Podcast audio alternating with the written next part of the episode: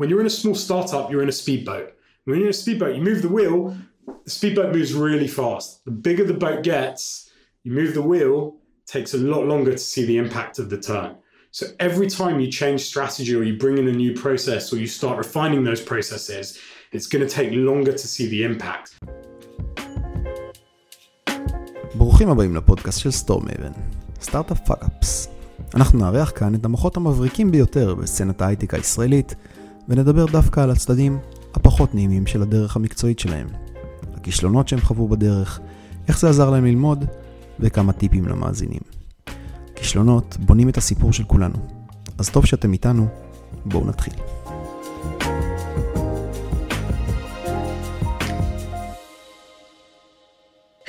Thank you everybody for joining us today. Uh, this is a Startup Fuck Ups, a podcast by Storemaven. Uh, we have here today with us Avi Wiesenberg, uh, an executive sales leader in B2B SaaS. He's uh, one of the greatest people I know in sales uh, here in the Israeli scene and uh, in the world and in the universe. In the as well. universe. Fantastic to be here, Fishy. Thank you for inviting me.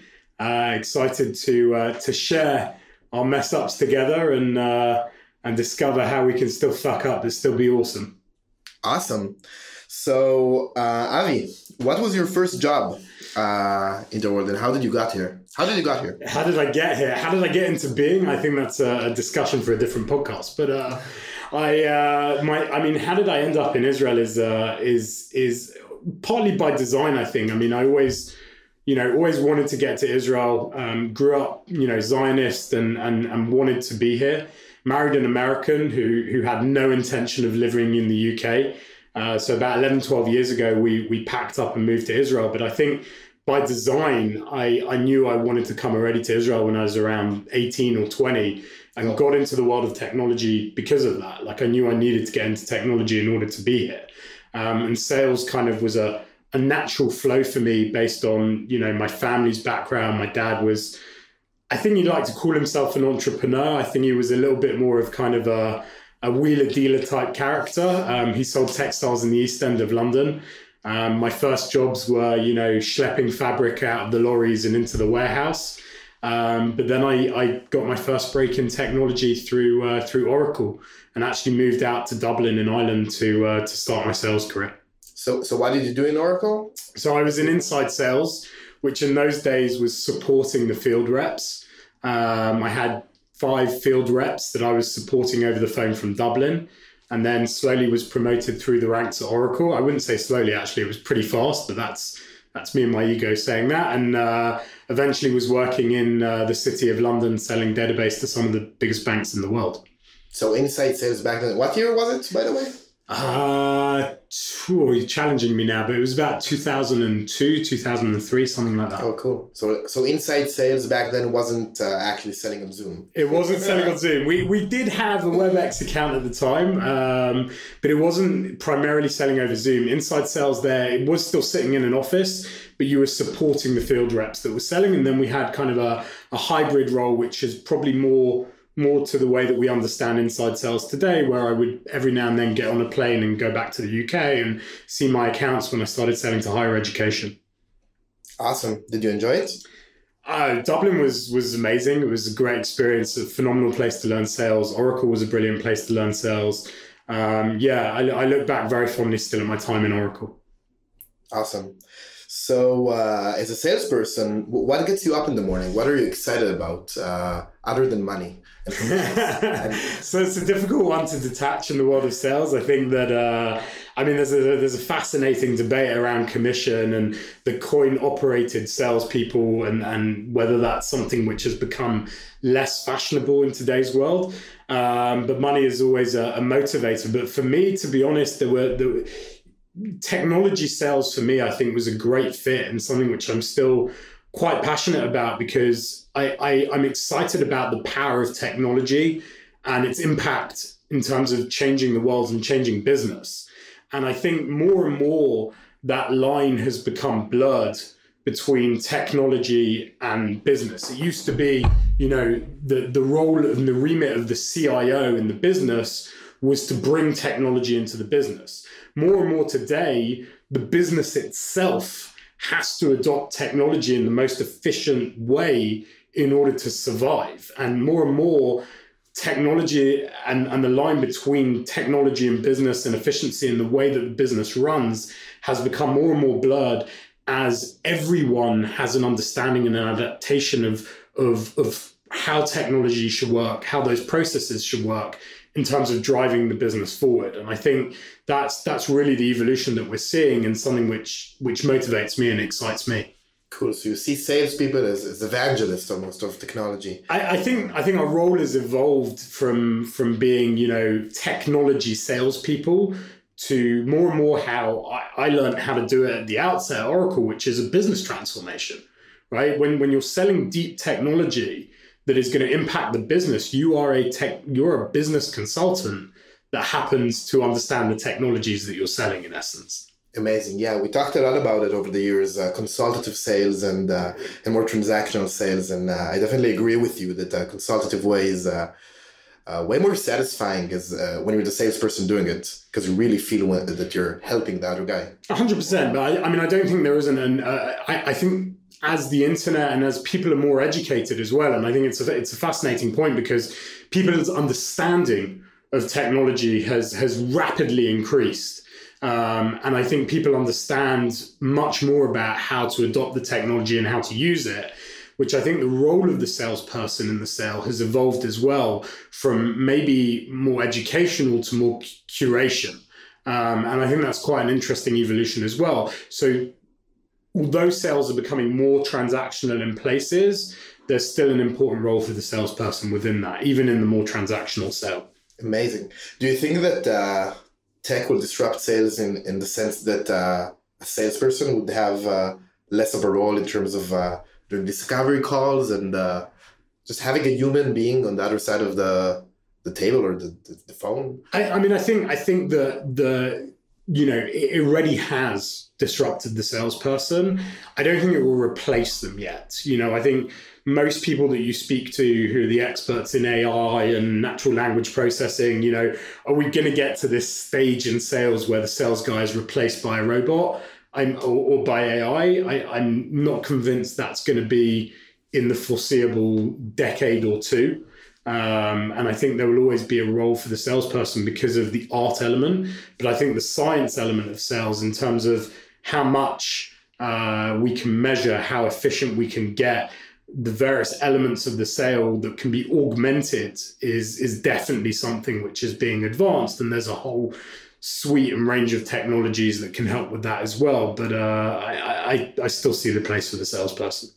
Yeah i agree. I uh, i mean gong is one example. Gong and chorus and all these tools that help uh, basically augment your work with uh, tech and just makes it. But I think any any work is being augmented as well. You take the, the automation of Google Calendar, you take the automations and the tools that we use today that are making us more efficient. Those, those are all there in terms of capturing and expanding our ability to remember things and action things and and automate. And I think this is just a further extension of that specific to the sales branch.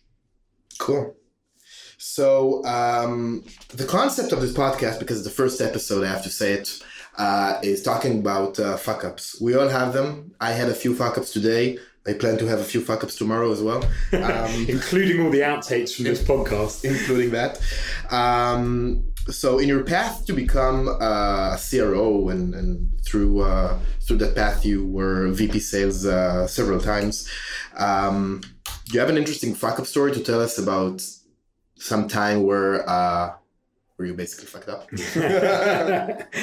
um, so it happens on a regular basis, but I think I want to take us back to uh, to my first role as a VP sales, and I think that transition eh, from being a team lead or even a sales guy into sales management is is a super tricky transition, which has a lot of room for error and a lot of room for mistakes.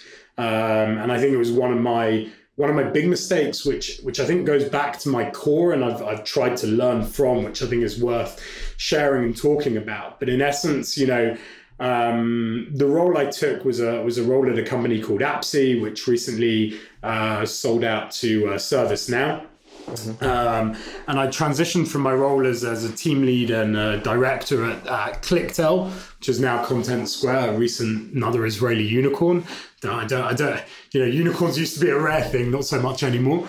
Um, but um, I, at Appsee, I, I joined. It was a twenty-man startup at the time, and I was coming in as as VP sales. And I think, you know, I, I, I definitely don't believe I succeeded in the role. Um, I failed in the role. I was there for over a year, um, and then I, I moved on. But I think part of the reason why I failed was my inability to focus on the long term. I was very much focused on the short term goals. And as sales guys, we're kind of trained. You know, we talked right at the beginning about the coin coin operated sales guys and the the focus on revenue. And I think that was a big transition that I had to make, whereby I was still looking at things of getting a deal done, closing the deal, hitting my my number for the quarter, and the numbers were still good, and I was still hitting numbers. Yet I didn't necessarily have the formulas and the process and the playbooks correct. And I was working for two founders who were developers by nature, um, and their background was developers. And as developers, I think you you spend a lot of time looking at the formula, you spend a lot of time looking at the the scripts, and then the result comes out at the end of the code because you've done everything correct. And in sales, you don't get as clean attribution as that. You don't get as clean line that you do X, Y, and Z, and the result is, you know, whatever you want it to be.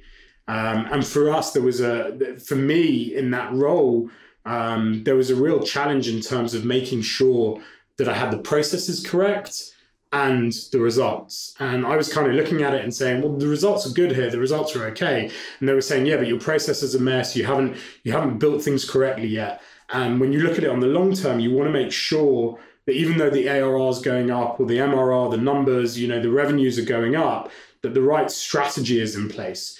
And then you have the flip side. If you spend too much time looking at the strategy without the results, it's also not necessarily the right thing. So you have to get the balance between the two right. And as a sales guy, I'm one of those one of those sales guys or sales leaders that was like, all of this process stuff is, is a lot of bullshit, right? It's a lot of like BS, and I can, you know, put 50 flowcharts in place for you. But ultimately, you know, I want to see that the numbers are right at the end of the day.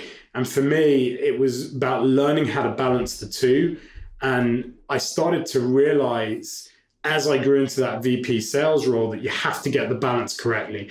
You have to look at the metrics, but you also need to to make sure that the process is there and that you're building a, a plan that's that's actionable and that you can deliver on. So I think my real fuck up in this as an inexperienced VP was to be patient enough and mature enough to wait for the attribution and to wait for the results uh, and to believe in the strategy and the process that I was putting in place and, and not just look at the final result and go, leave me alone because everything is, is working, you know? That's really interesting. I think you touched on um, really a few great points. First of all, becoming a VP or, or an executive or growing into management from an individual contributor, which is something that bothers a lot of people.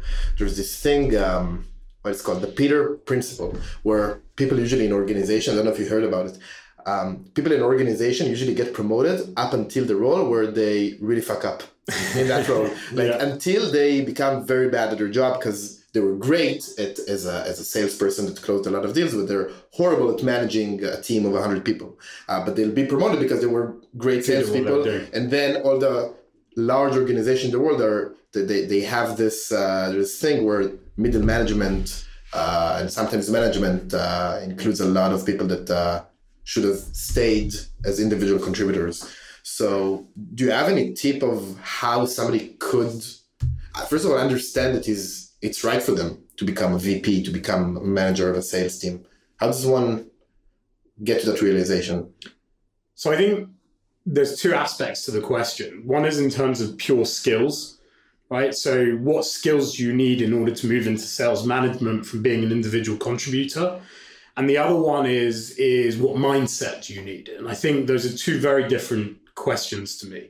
From a skills standpoint, I think as you move into management, you're going to end up having to focus.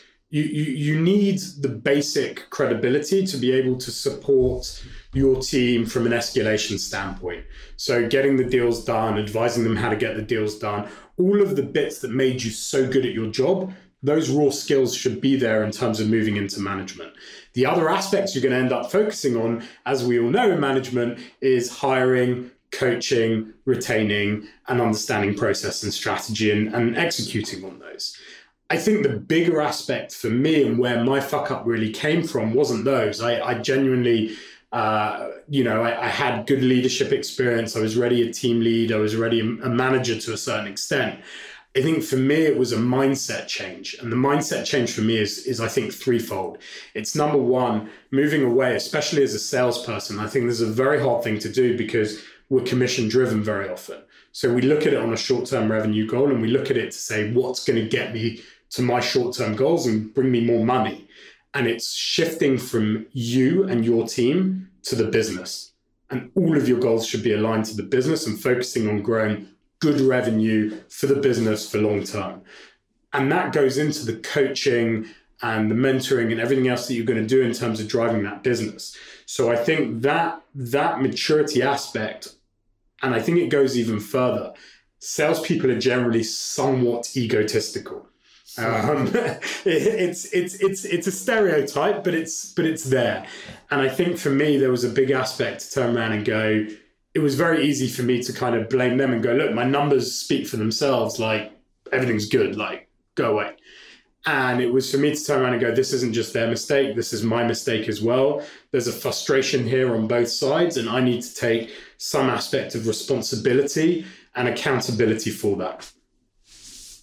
Awesome. Uh, yeah, I think that's extremely hard. Um, first of all, when you're measured on on on your performance, I mean, sales is one of the it's not the only, but it's one of the only teams in, in startups and in high tech that is that, that their compensation is half of it is is based on their performance. I mean, it's not like that for developers. It's not like that for uh, the vast majority of marketing people or uh, the vast majority of CS people. Um, there are some organizations here in Israel that uh, that don't do commissions. They have very large. We want. We want name. we can name them. We can name them. um, so um, okay, it's Monday, but um, basically there's. I, I, don't think I don't think it's a secret that yeah. Monday.com haven't historically paid commission. I do understand they've started to bring in bonus structures, mm-hmm. and bonus structures are working. I think it's a fascinating debate that's going on right now in sales in terms of paying commission or not paying commission. I don't think I don't think the aspect is only over commission anyway. There's a competitive element to sales. Mm. And by the way, I, I mean I, I know some of the sales leaders at Monday as well. They still primarily look for a very competitive nature in their sales guys. And I think that anyone working in, in tech in Israel to a certain extent is somewhat competitive. If you're not, you generally you generally tend towards the more corporate realm in Israeli society. You know, startups by definition are demanding and demand a certain tempo where you want someone that has some element of drive and competitive nature within them, even if that's competing with yourself. And and that I think, you know, still lends itself to some of these mistakes. Yeah, definitely. But but it does create that short-term focus for some people, I mean, some people can get over it at some point, but uh, but it definitely gets people to think uh, very short term. It's a marathon, not a sprint. Yeah, it's a marathon, not a sprint. And I think you know it, it, it, there's an element within that whereby you, you have to battle every day on it, but you also have to make sure that you're you're looking at the attribution, you're waiting for the time to kick in to see the results of the work that you've put in.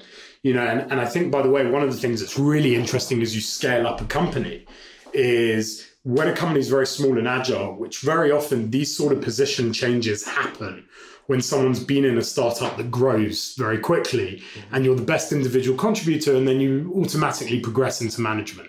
And by the way i completely get you asked at the beginning when is the right time to know that you should make that jump into management if you don't, you get left behind. And there are a lot of companies that try and say, no, we're going to give you a board seat as an individual contributor. Or we, we understand you don't like management, but ultimately you're going to start trailing off. So I think it's very, very hard to keep that culture where someone who is an individual contributor is still defining and got that seat at the table because the seat at the table is talking about strategy. And the other key when you're talking about strategy, and as the ship gets bigger, when you're in a small startup, you're in a speedboat when you're in a speedboat, you move the wheel, the speedboat moves really fast. The bigger the boat gets, you move the wheel, takes a lot longer to see the impact of the turn. So every time you change strategy or you bring in a new process or you start refining those processes, it's going to take longer to see the impact. And, and that creates a frustration unless you already start aligning your head to, to look at it and measure the things on the way that at least you're going in the right direction that you want to be.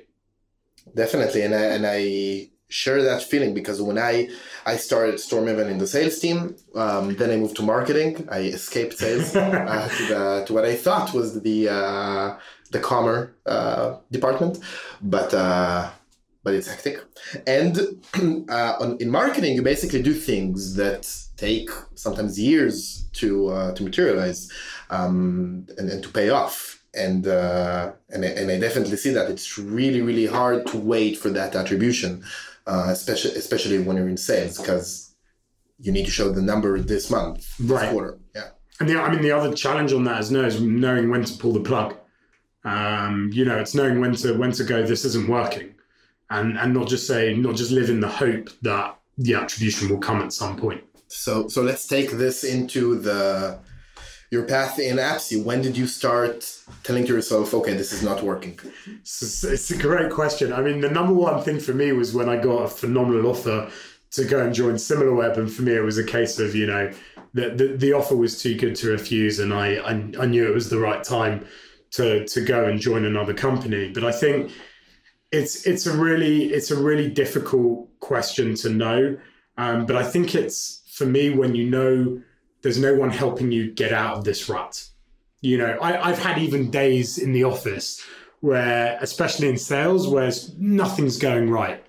Right, this deal's going wrong. This deal's going wrong. This person's pissy. It's time, and there are some days where you're just like, you know what? Shut the laptop, go home, write it off. It's a bad day. Get a decent night's sleep, and start again in the morning.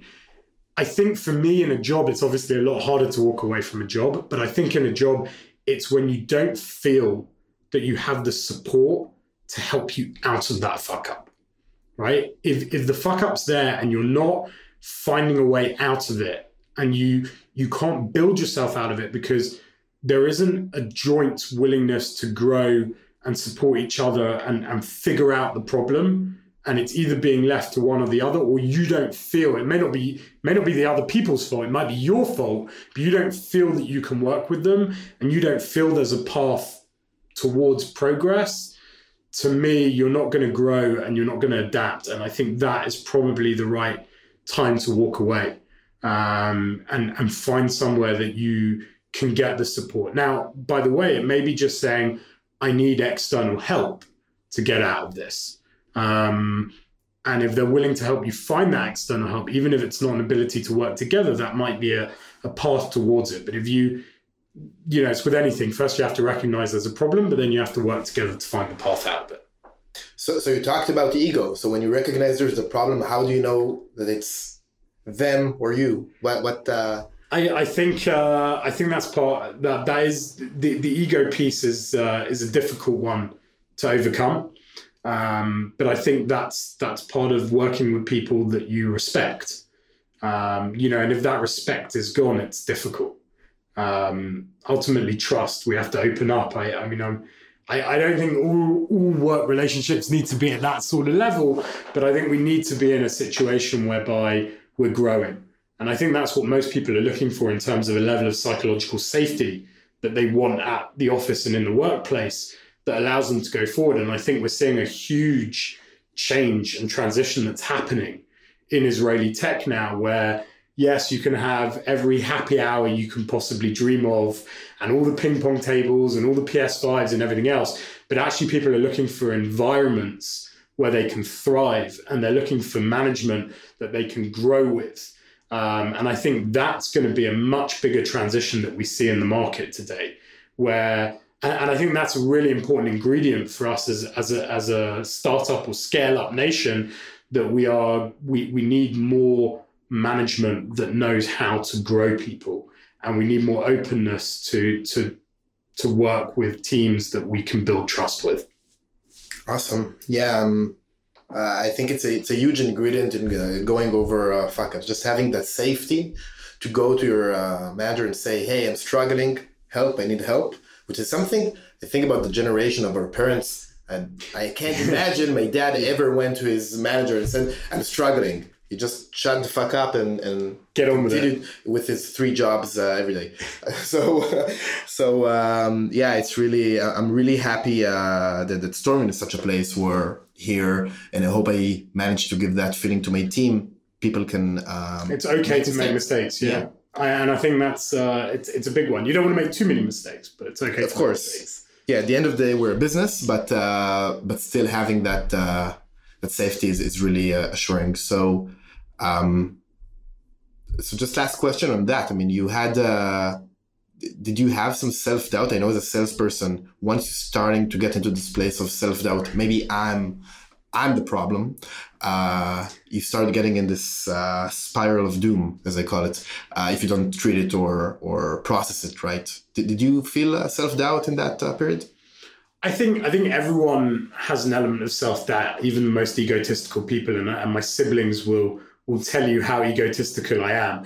Um, but uh, you know, I, I think I think there's always going to be self doubt. I think the challenge for salespeople with self doubt is the numbers, because we live and die by the numbers. The numbers were good, and the challenge that you have more and more in today's sales world as we talked about at the beginning, where there's this big, broader, you know, curation of information, and there's a lot of offline, and people, product-led growth is becoming a big area, etc. There's more and more reason for the rest of the business to turn around and go, "You weren't the key factor in getting this deal over the line." Um, in the old days at Oracle, it- we felt the sales guy was the key factor.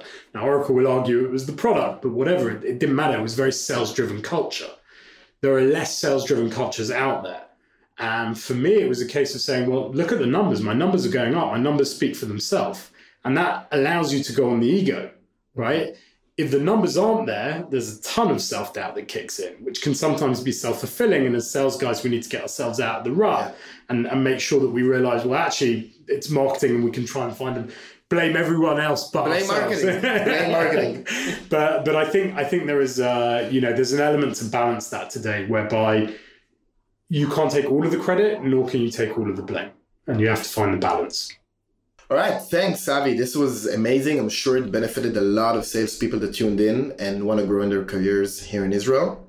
Um, our time is running. Uh, we're running out of time, and uh, I just have a few more questions for you before we uh, sign off. So, uh, are you ready? I'm ready. All right. So these are all quick fire. Just give me the first answer that pops in your head. Who in the Israeli high tech scene would you most like to take for lunch? Shimon Peres. Shimon Peres. I know not necessarily in the high tech scene, but I think he was like the ultimate dreamer, the ultimate kind of uh, bootstrapper and visionary. And I'd, I'd love to pick his brain about how we progress the, uh, the high tech scene here. Awesome. If you could work in any other company, in any other role in the Israeli tech scene, what would it be? Not strictly a company or the tech scene, but I think I would go for like Minister of Education. I think it's where I could have the biggest impact into the Israeli economy and high tech scene. What would you like to be when you grow up? I don't ever want to grow up. How do you explain to your kids what you do? Uh, I generally don't. I just play FIFA with them. It's easier. What does Avi do that people will say around you, this is so Avi? Completely misspelled and incoherent WhatsApp messages. I can admit that this is correct. What's your secret? Um, I think my secret is is willing to learn. Like I read a lot.